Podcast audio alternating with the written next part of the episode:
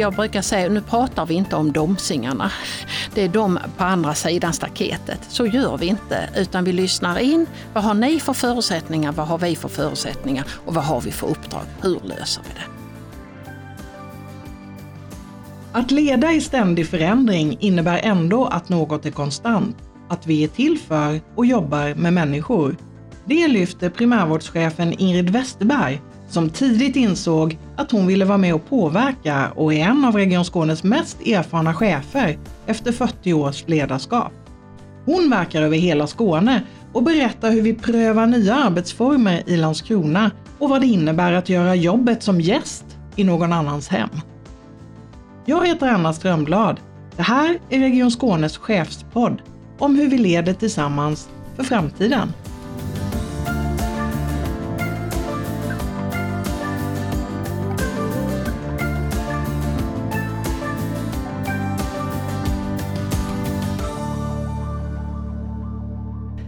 Ingrid! Hej! Varmt välkommen till Chefspodden. Jag är så glad att du är här. För du är definitivt en av våra mest rutinerade chefer och du har arbetat mer än 45 år i Region Skåne. Nu jobbar du i primärvården med mobila team och palliativ vård och avancerad sjukvård i hemmet. Ett område som verkligen har utvecklats mycket, inte minst de senaste åren. Och det är det här med att jobba med förändring och ledarskap, det ska vi prata om idag. Men först tänkte jag faktiskt utifrån din långa erfarenhet inom våra verksamheter. Det är ju mycket som har förändrats. Men vad skulle du säga är konstant? Konstant är att vi har medarbetare och vi är, har ledare, chefer. Det är det konstant i hela processen. Eh, patienterna är konstant i våra, de kommer och de går. Och, och, så de flödena finns hela tiden. Så att om jag tittar tillbaka när jag gick in i detta 77, eh, så, så är det ju det det handlar om. Det handlar om, vi har patienterna, vi är till för dem och hur, hur utövar vi då ledarskap och hur utövar vi ett medarbetarskap kring detta? Så det är den röda tråden tycker jag. Vi jobbar med människor. Vi jobbar med människor. Mm. Du har varit chef i nästan 20 år inom just eh, palliativ vård och eh, ASIH, det som betyder avancerad sjukvård i hemmet i primärvården. Vad innebär det att leda en sån verksamhet? Det innebär att eh, man leder via andra, andra och man leder i en komplexitet. Vi hjälps åt via med alla aktörer, sjukhus, primärvård, kommunen patienten närstående, men också medarbetaren som står där ute hos patienterna ska också känna att de är ledare i sig. Att här i stunden så gör jag det som är bäst för situationen här och nu. Och vad gör ni i den här verksamheten? Vi finns till för att erbjuda eh, de patienterna som har en, en eh, obotlig sjukdom det behöver inte vara cancer, det kan vara andra sjukdomar också som hjärtsvikt och KOL och så vidare. Vi erbjuder dem vård i hemmet istället för på, på sjukhus. Ehm, och, det är, och då har vi alla åldrar, alla diagnoser och, det är, ehm, och majoriteten avlider i hemmet hos oss eh, som är helt inskrivna. Men vi har ju också våra palliativa slutenvårdsavdelningar, sex stycken fördelade i Skåne, där man då har möjlighet att komma in om man känner, nej jag klarar inte att vara hemma. Eller närstående känner att det här klarar jag inte. Det gör vi, vi tar hand om de mest sjuka. Eh, vi gör riktade insatser, punktinsatser som vi kallar det. Eh, antibiotika, blod för patienter som annars hade behövt legat inne behöver inte vara palliativa patienter då. Och sen har vi en öppenvårdsmottagning som tar emot patienter i tidigt palliativt skede, när de inte behöver hela vårt team. Utan, och det upplevs väldigt positivt av patienten också. För vi är ju lite dödens väntrum Eh, och då är, kan det upplevas positivt, jag behövde inte bli inskriven men de hjälper mig ändå. Så vi försöker möta patienten och närstående genom hela livet i, i deras situation. Så vi kan ha barn med punktinsatser som behöver lite antibiotika, men vi kan ha också barn som är cancersjuka och avlider hos oss. Så att eh, det ställer ju mycket krav på oss som ledare, chefer att stödja personalen ute och säkerställa att vi har kompetens. Hur många invånare möter ni varje dag? Ja, vad ska vi säga om vi säger att snittet varje enhet, eh, nu har vi både stora och små enheter, men eh, snittet är att vi har ungefär 50 patienter inskrivna i vår hemverksamhet och sen har vi allt mellan 8 till 20 eh, platser på våra slutenvårdsplatser. Så vi möter många patienter. Det är många varje dag. Och hur många, hur många medarbetare är det som är verksamma i den här verksamheten idag? Strax under 500 ungefär. Eh, och det vi är fördelade på åtta orter i Skåne. Och det ställer ju också krav på att eh, vara flexibel och mobil och synlig i en verksamhet som är på åtta orter. Eh, och då behöver man också leda via andra Mm, eh. Du, du, du, pratar ju om det här att, att det både är en, en komplexitet i omfattningen och diversiteten och åldrarna och, och man möter många olika eh, människor. Plus eh, det du säger här att, att eh, blir eh, kanske dödens väntrum som du säger som i sig kanske är en speciell eh, utmaning. Mm. Vad kräver det av dig som ledare? Det kräver att jag är lyhörd.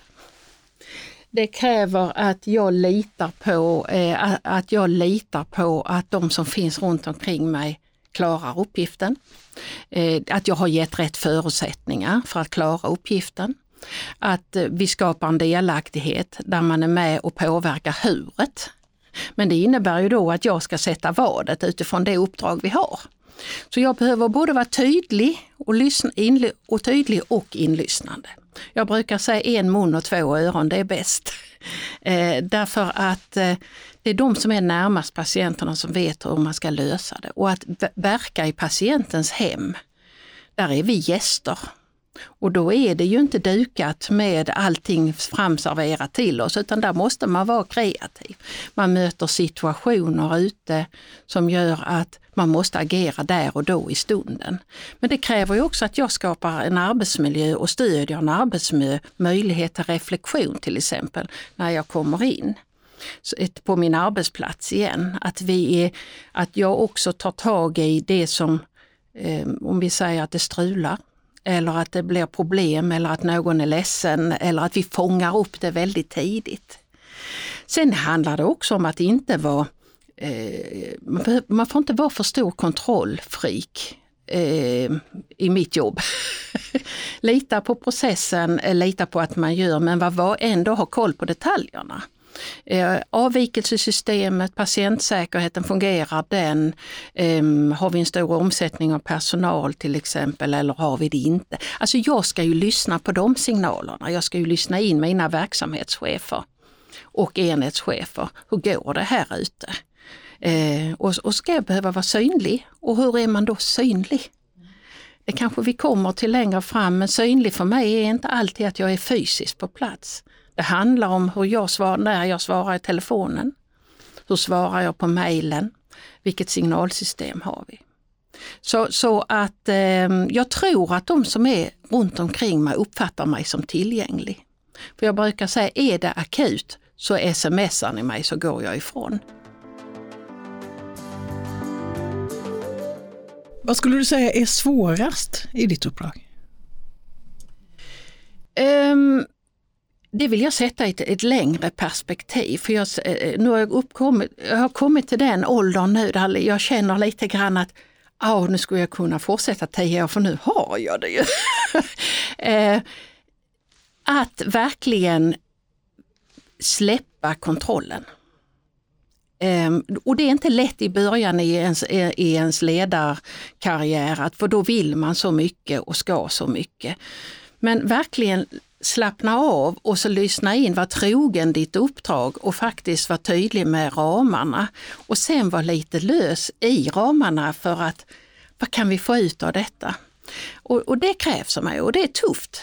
Eh, och det kräver en struktur. Samtidigt som man håller den så måste jag hålla strukturen.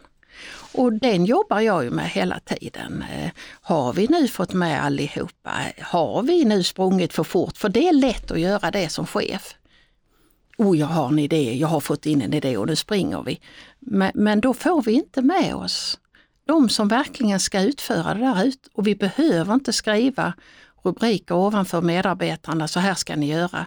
Det blir väldigt bra när medarbetarna bara vet vad, vad de ska göra, så har de lösningarna.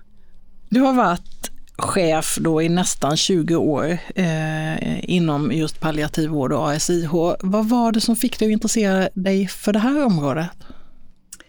Det var redan på den tiden när jag, jag, var, jag är sjuksköterska eh, och eh, jag arbetade på Tjorgen i Hässleholm på den tiden. Och, där, och då fanns ju inte palliativ vårdsorganisationen på detta viset. Och då tänkte jag alltid att dessa patienter som ligger här som är så sjuka, de skulle behöva, vi, har inte, vi hinner inte med dem. Det borde finnas något mer.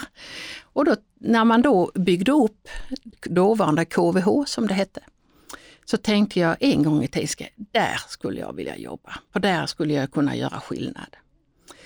Och så blev det så.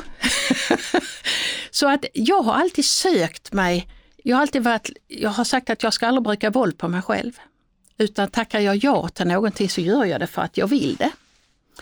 Eh, och när jag kom in, och då kom jag från ortopedin, den elektiva ortopedin, som är knivtid, sekundrar, eh, allt detta. Och så kommer jag in i en verksamhet där jag, jag blir helt konfys första tiden. Nej men när ska ni jobba? Nej men snälla någon, ut och jobba. Och det tog några månader till jag kom på, ah, det är vi som är redskapet. Det är ju samtalet med patienten. Det är inte vi som sätter agendan, det är ju patienterna som sätter agendan. Det tog ungefär ett halvår riktigt landa in i detta och sen dess är, har jag varit detta troget. För jag tänker att, tänk om vi hade gjort så i hela sjukvårdssystemet. Vad vill du som patient? För, för då tror jag att vi hade gjort många fler rätt saker. Mm. Kan du berätta om någon, någon egen händelse som har berört dig i arbetet? Eh, ja, eh, och då vill jag ta eh, ett patientärende eh, utan att gå in i detaljer. Men det var en svårt sjuk patient eh, som eh, eh hade fått en dom kan man väl säga att eh, inom ett par veckor så är det nog slut. Och då fick vi över den patienten till min enhet. och läkaren kommer in efter några dagar och säger Ingrid, det här går inte. Vad tänker du? sa jag. Nej, vi, det gör så ont när vi lägger om. Ja, men så kalla till alla läkare, gör ett konsensusmöte kring hur ska vi lösa det. Och så gjordes det massa olika lösningar. Läkaren tog tag i det själv, gick ut och fixade detta. Efter många olika insatser, stöd, stöttning kring personalen, stöttning av närstående, så levde denna kvinnan tre år till. Eh, och det har jag burit med mig under alla dessa åren att vi kan göra skillnad. Och allt är inte det tekniska, allt är inte medicinen, utan det är att vara i stunden och faktiskt lyssna på vad är det du behöver. Så att eh, den släpper aldrig min näthinna. Och i mig går det lite rysningar när du berättar eh, om, om, om den här händelsen. Vad, vad gör den här typen av berättelser med dig? Den gör mig ödmjuk eh, tänker jag. Den gör mig också väldigt eh, stabil och jordad i det arbetssättet vi har. Att, att faktiskt stå på sig lite grann, det är att inte ge upp förrän sista klockan är ringd. Eh, vad är det värsta som kan hända egentligen om vi räcker upp handen? Är vi riktigt färdiga här? Varför gör vi på detta viset? Det har jag tagit med mig. Eh, för hon, den här patienten dyker upp för mig rätt så ofta. Eh, för tänkte vi kan. Det kan hända ibland att vi får väldigt svåra patientärenden som har valsat runt i sjukvårdssystemet och landar in hos oss. Och då kan ju vår personal säga, nej men det här är för svårt för oss. Och då brukar jag säga, vem, om inte vi kan, vem kan då? Och, och det, vi, vi löser det. Och, men då får man inte vara för rigid i lösningarna. Och det har jag också tagit med mig att, att eh, vi kan göra på så många olika sätt. Alla sätt är bra utom de dåliga. Och man kan köra i diket, det är helt okej, okay, men vi ska inte vara i samma dike två gånger. Så det handlar om att upp ur diket, eh, reflektera över varför blev det så här nu då? Eh, och, och så gör vi inte så nästa gång. Så att jag har ett, ett, ett mantra i mig själv att jag vill leda en, en reflekterande förändringsstabil verksamhet. Och det gör man bara genom att reflektera. Och man gör det genom att inte leta syndabockar. Utan att verkligen titta, oj, det här blir ju inte så bra. eh, och sen är det ju patient, jag sätter patientsäkerheten väldigt högt. Och det gör ju mina medarbetare också. Så att skapa en kultur. Du har ju varit chef väldigt länge. Varför vill du vara chef? Um, det ville jag bli, inte chef, men jag ville vara med och påverka väldigt tidigt. Jag blev sjuksköterska 80 och bara efter ett eller två år kände jag att jag skulle vilja påverka mer.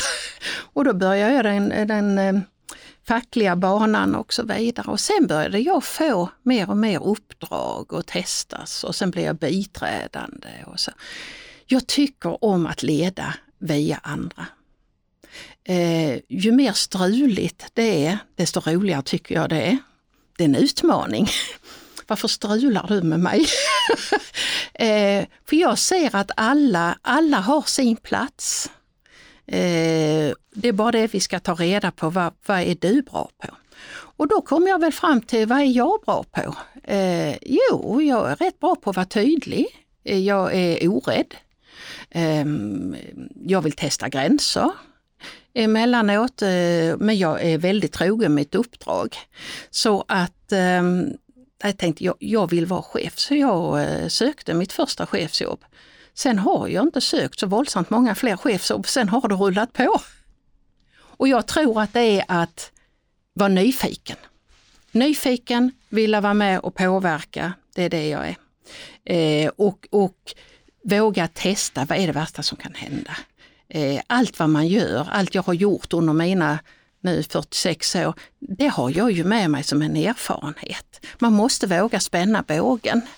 Så när jag kom in i denna verksamheten, du kan tänka dig en ortopedsyster som kommer in i den här palliativa vården, det möttes med, ske, eh, de var skeptiska. Ska du fixa detta? Men man får skala av detta. Jag satt med alla mina chefer, det var eh, eller både chefer och läkare som sa hur ska det här gå? Så, så jag vill prata med er var och en. Och sen så satt jag mig med var och en och så sa jag så här, ser du mig som sjuksköterska eller ser du mig som chef? Ja, eh, har du problem med att jag är sjuksköterska? Ja, det var ju rätt många som hade problem med det.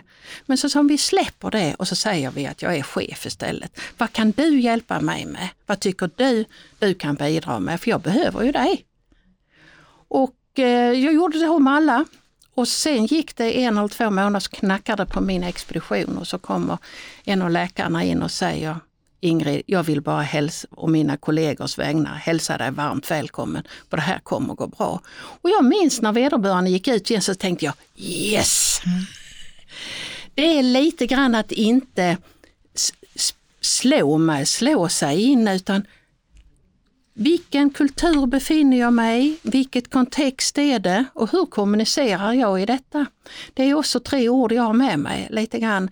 Luta sig tillbaka och man har tre månader på sig ungefär att gå runt och fråga varför. Vilka är de viktigaste ledaregenskaperna skulle du säga? Ehm, det är ehm, lyhördhet. Eh, det är ehm, att kunna delegera att Eh, kunna också fatta svåra beslut, för det innebär det eh, i den, denna rollen. Eh, det kan vara allt från personalärende eller andra eh, organisatoriska ärenden. Eh, jag tänker att eh, inte ta sig själv på för stort allvar. Eh, det var någon som kallade mig i början IVB, Ingrid du är IVB. Och vad är det? Jo det är Ingrid Värre I bråttom. Och det var i början av min karriär. Och så tänkte jag, ja men det ligger någonting i detta. Varför har jag så bråttom? Jag ska ju inte göra det. Så att lite grann lätta på gasen och eh, ta hjälp av andra. Vad har du som roligast på jobbet? Då? Ja, de som känner mig, jobbar närmare mig, de tycker att jag skrattar jämt. eh, eh, sen kan jag ha ju jag har humor och vi skrattar jättemycket. Jag försöker se det på den glada sidan. Sen kan jag bli väldigt bestämd, eh, men jag behöver aldrig höja rösten och det behöver man inte. Utan vara trovärdig, tillgänglig eh, och så faktiskt vara ett föredöme också för att man måste agera själv som man önskar andra ska göra.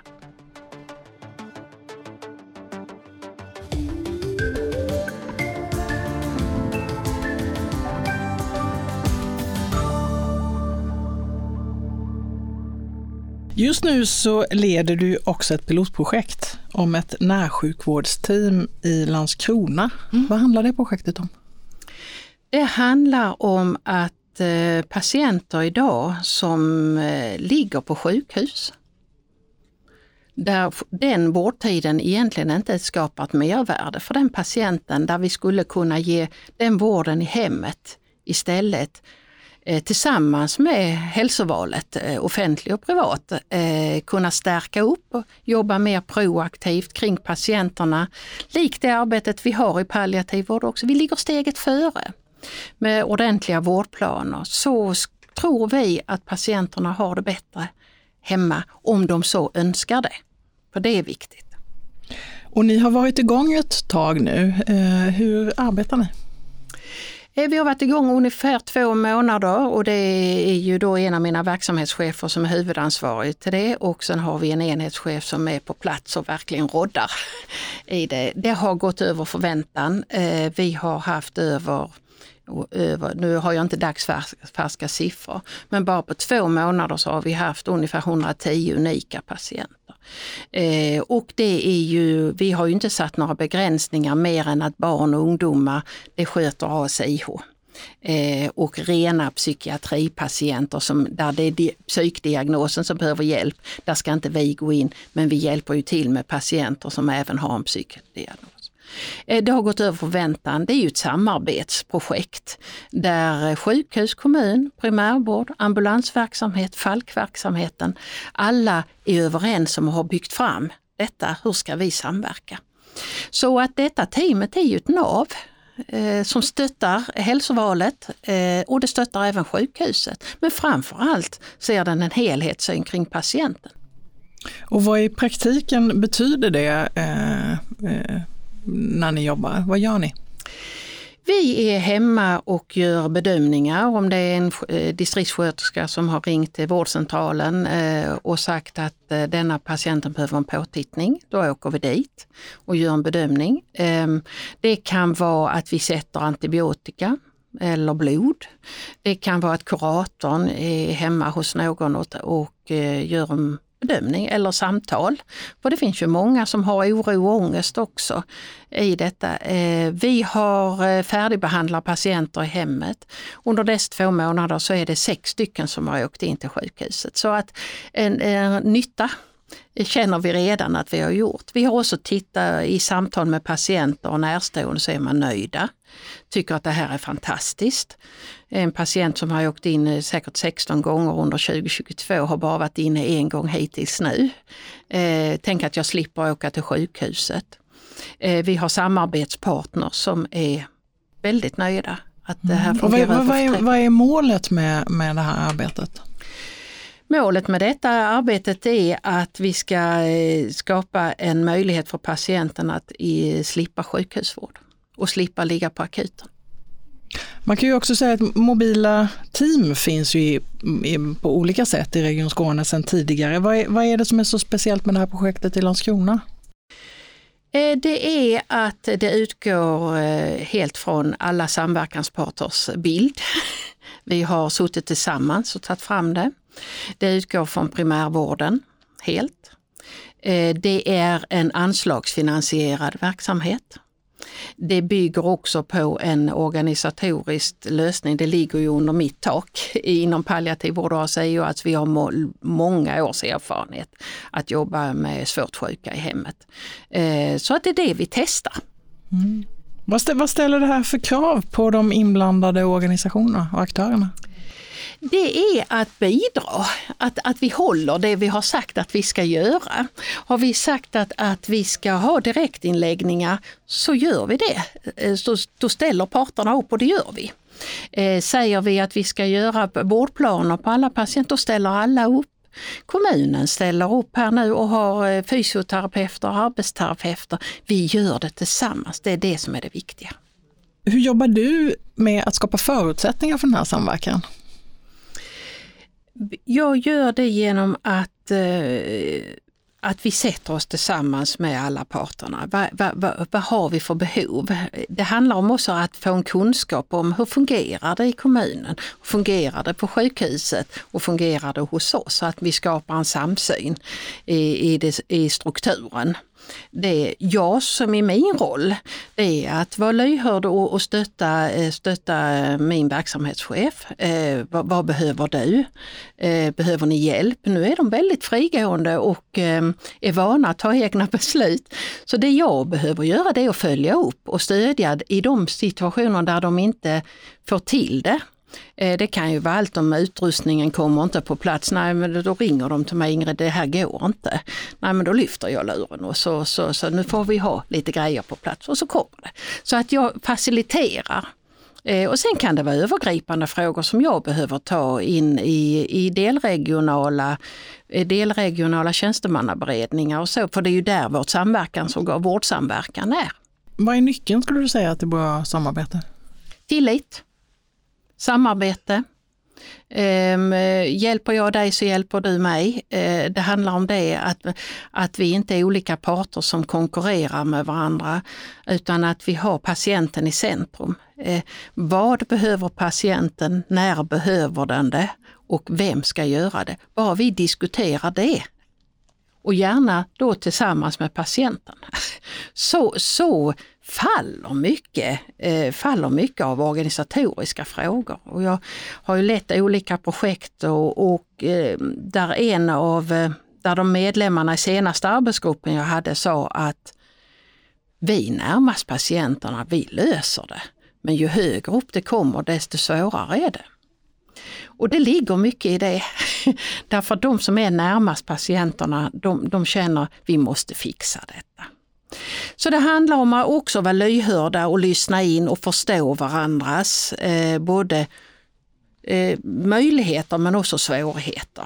Eh, man får inte tänka, jag brukar säga, nu pratar vi inte om domsingarna. Det är de på andra sidan staketet. Så gör vi inte, utan vi lyssnar in. Vad har ni för förutsättningar? Vad har vi för förutsättningar? Och vad har vi för uppdrag? Hur löser vi det?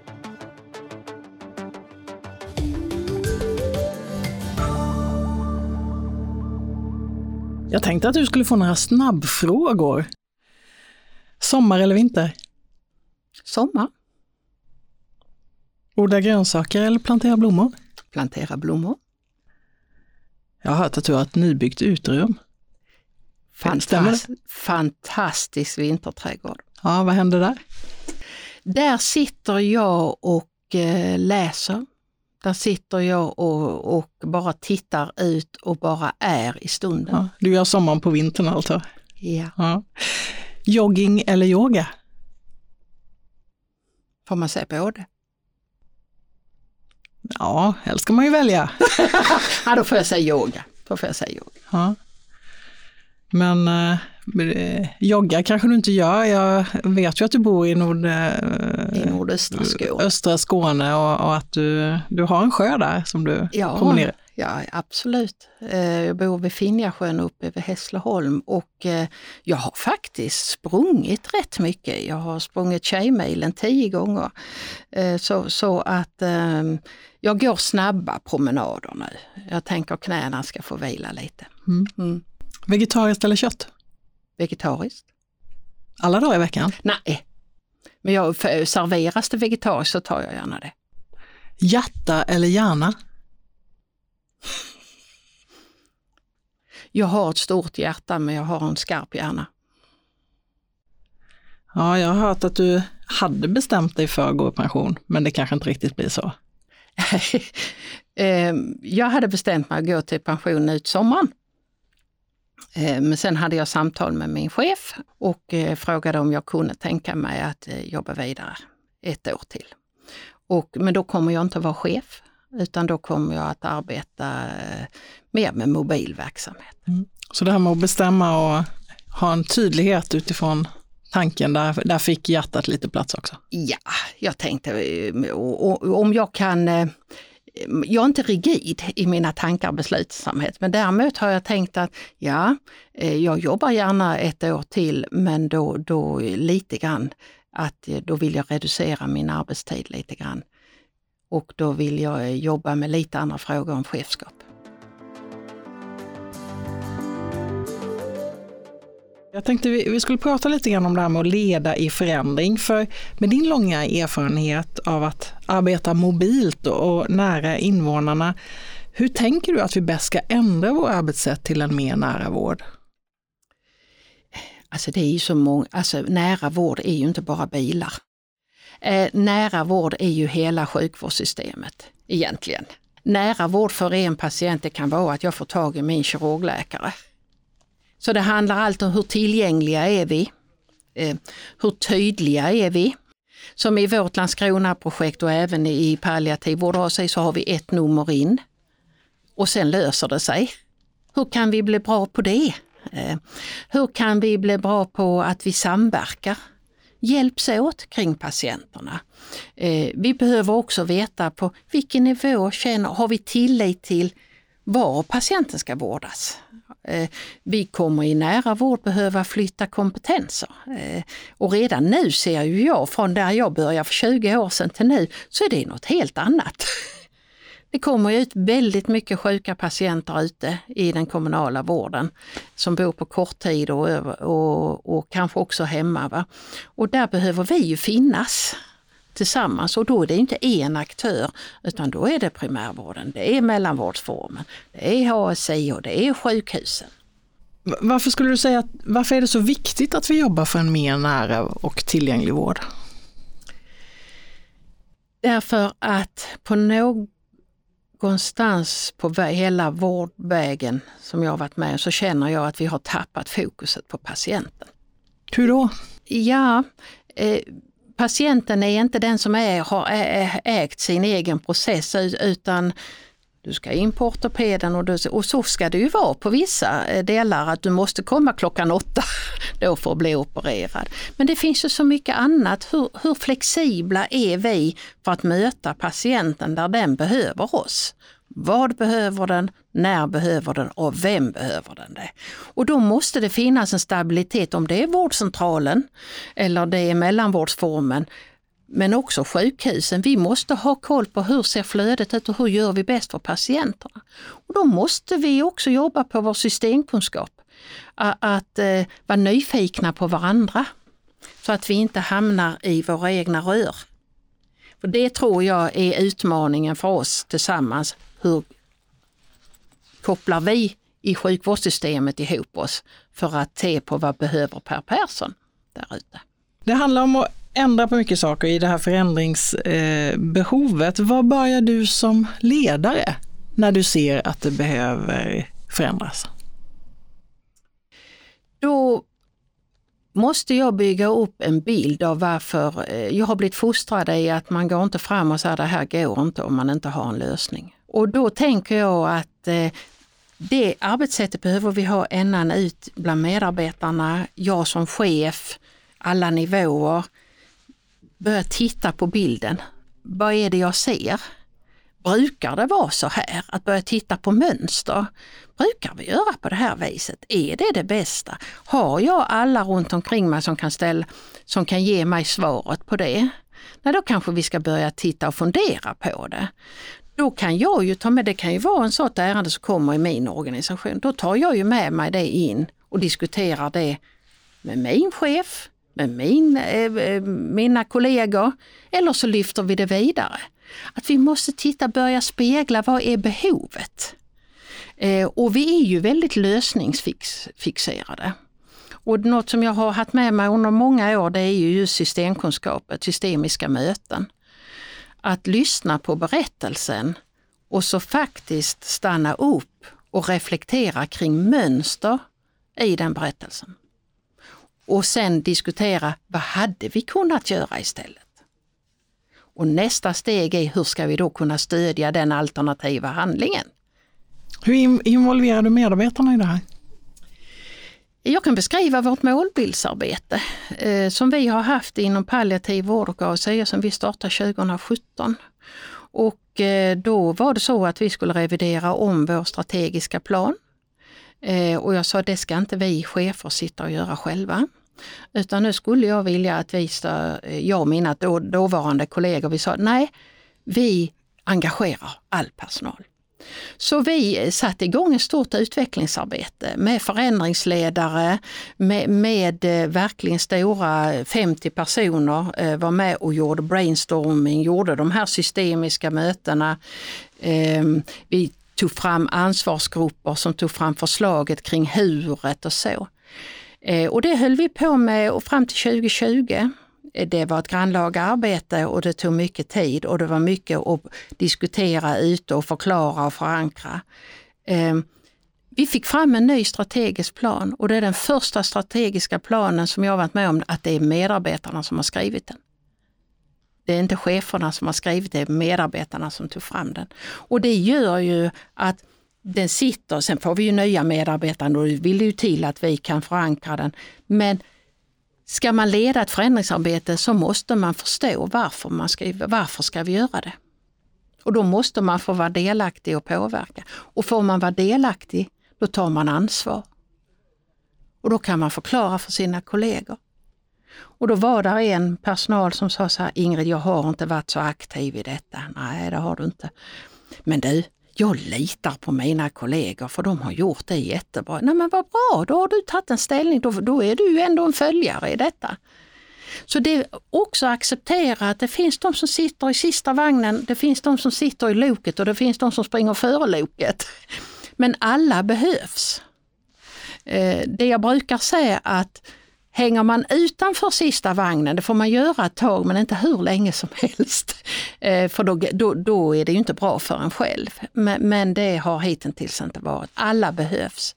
Det behövs vara någon som säger, nej men stopp nu här nu springer ni. Men det är också, inkludera medarbetarna i att också acceptera att det är skillnad mellan, mellan medarbetare, tolkar jag dig ja, som. Och, och, och, då är det ju så att, att det här med att ändra på saker, det innebär ju ofta att det blir ett visst motstånd mm. eller problematiserande. Mm. Hur hanterar du det som ledare? Kommunikation. Eh, möjlighet att ställa frågor, eh, ut och lyssna in. Eh, vad, vad, är det? Vad är det för frågor, frågeställningar som kommer upp? Kommunicera ut varför eh, ha en dialog kring varför. Eh, vad är det för risker? Vad ser ni för risker med detta? Vad ser ni för möjligheter med detta? Och faktiskt jobba med dem, för gör man så, så ja, då kommer det fram massa saker som vi måste ta hänsyn till. Men, men hela tiden kommunicera, vara ute, se till så att vi i ledningsgruppen är en röst kring detta också. Eh, att vi inte som ledningsgrupp går ut och säger olika saker. Att vi går ut i våra verksamheter, finns i vardagen och kan svara på frågorna ute. Min telefon och mail och jag finns ju tillgänglig eh, för att, eh, och jag säger bjud ut mig om ni känner att det blir stort motstånd. Så kommer jag ut och pratar om det. Och då får man ju vara öppen för oss. Nej, vi har kanske gick lite för långt där. Nej, då backar vi där lite grann och så går vi höger istället.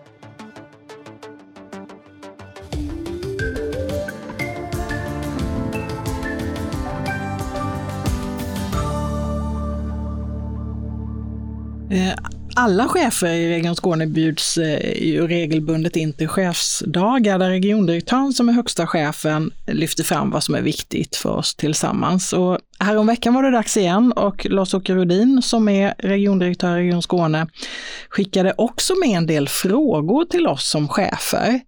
Bland annat så ställde han frågan, hur kan vi bli ännu bättre på att lära varandra i frågan om tillgänglighet och vilka arenor har vi för kunskapsdelning? Mm. Hur tänker du kring det? Ja, är vi, jag skulle vilja tänka på olika sätt. Är vi tillräckligt i, i, i nyfikna på varandra inom respektive organisation? För det första. Är vi tillräckligt nyfikna på varandras organisationer? Det tror jag är viktigt. Använder vi de arenorna som vi har idag till att verkligen ställa oss frågorna? Eh, det, det funderar jag över. Eh, Sen äger vi ju inte all samverkan, eh, Kommunen är ju suverän, kommunerna är ju suveräna i sina beslut. Men jag tror vi måste bli mer nyfikna och faktiskt börja våga ha lite verkstad och, och faktiskt inte uppfinna hjulet själva alltid. Det finns så mycket positivt. Eh, hur gjorde du? Ah, de bästa cheferna skäl ju hej vilt ju, eller hur? Mm. Så att, eh, och sen får man göra om det lite till sitt eget. Mm, ja, vad tänker du? Vad, vad kan du göra? Hur, hur tänker du att du kan bidra till det som chef? genom att faktiskt lyfta in, göra omvärldsbevakning eh, lite grann, alltså bjuda in eh, aktörer, ehm, eh, bjuda in kollegor, bjuda in medarbetare. Eh, vi har gjort så i min, min organisation där under 20 under två år ungefär så bjöd vi in, eh, sista timmen på varje ledningsgrupp så bjöd vi in medarbetarna. Så vi åkte runt alla verksamheterna och så eh, var det den enhetens eh, medarbetare som fick komma in och berätta om ett förändringsarbete eller bara komma och ställa frågor. Så. Och bara det är ju fantastiskt vad, vad vi inhouse faktiskt gör och hur alla mina verksamhetschefer satt och skrev, ja men det, det är ju suveränt, det är suveränt. Vi måste delge varandra i vardagen. Vi har gjort det här. Jag tror inte det räcker bara att sätta det på intranätet. Nu har vi det där för att tiden här ute bland patienterna i forsen, som jag brukar säga, den är så intensiv så att eh, den tiden finns inte riktigt utan den, den, behövs, men jag tror vi behöver arenor. Det kan vi skapa på arbetsplatsen, reflektion och delge varandra. Men vi kan också hitta det eh, på våra ledningsgruppsmöten eller forum stora chefsforum eller chefsdagar så, bjuda in de goda exemplen. Utmaning, inte bara goda exempel, man kan ju också ta ett, ett exempel som är det här försökte vi och det gick inte så bra, men vi tog hjälp av. Idag pratas det en del om att medarbetare slutar och, och rent av eh, flykt från vården, inte minst när det gäller sjuksköterskor. Du har ju själv arbetat hela ditt yrkesliv i Region Skåne. Vad har fått dig att stanna? var en bra fråga. Um, det är nog att jag har haft eh, eh, stimulerande och utmanande arbete.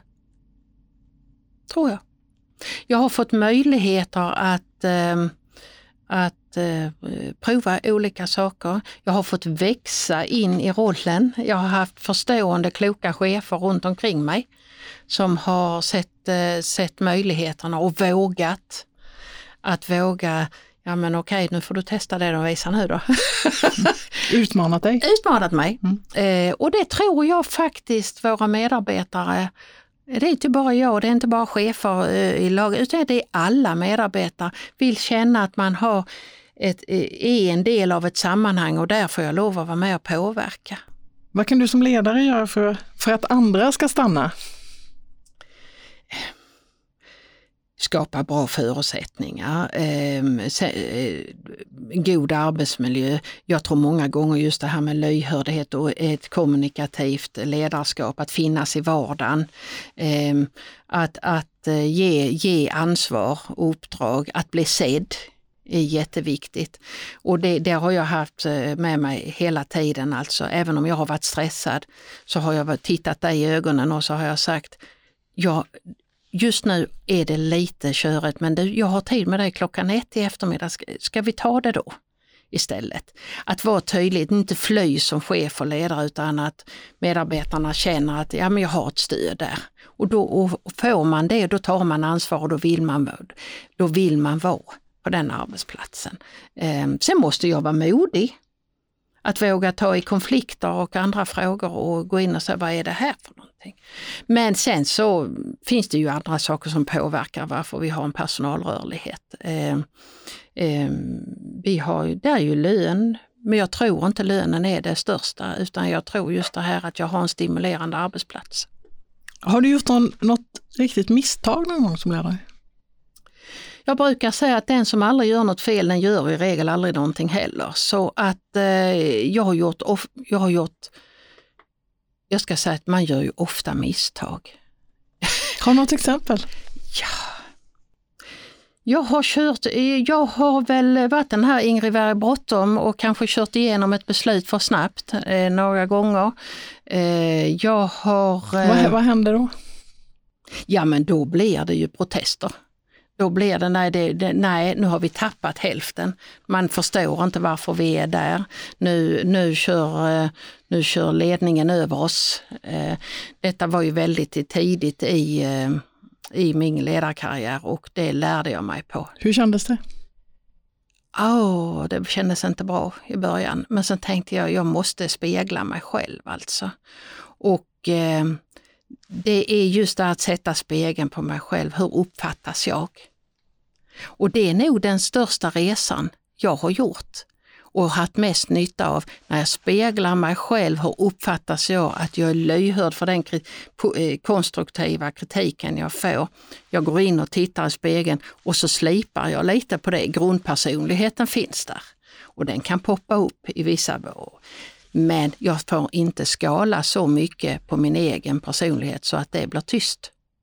Det sa en chef till mig en gång, Ingrid, det är väldigt vad du är tyst. Och då hade jag blivit det för någon har sagt, du pratar ju jämt. Ja, men tänkte jag, då ska jag inte prata. Nej, men då gick jag ju för långt. så, så det är lite grann att där, jobba med att, att det är lätt att man kör över personer om man inte lyssnar in och är eh, den här som speglar sig själv. Det är det största misstaget jag har gjort. Mm. Vad, vad gör du för att koppla bort på jobbet? Eh, jag är väldigt duktig på att stänga min telefon när jag har semester och stänger min dator så jag tittar inte i det. Eh, jag litar på att andra, där finns en ersättare. Eh, jag sitter inte på kvällar och helger och jobbar. Kan vara någon enstaka gång där jag behöver ha en presentation men inte annars. Jag stänger ner. Jag sätter mig med, jag går ut och promenerar, jag går in och sätter mig i min vinterträdgård och läser min bok och lä, dricker ett glas rödvin på, på helgen. Att bara vara, alltså, eh, långsamhetens lov emellanåt. Att inte ha agendan fylld på min fritid också. Jag styr.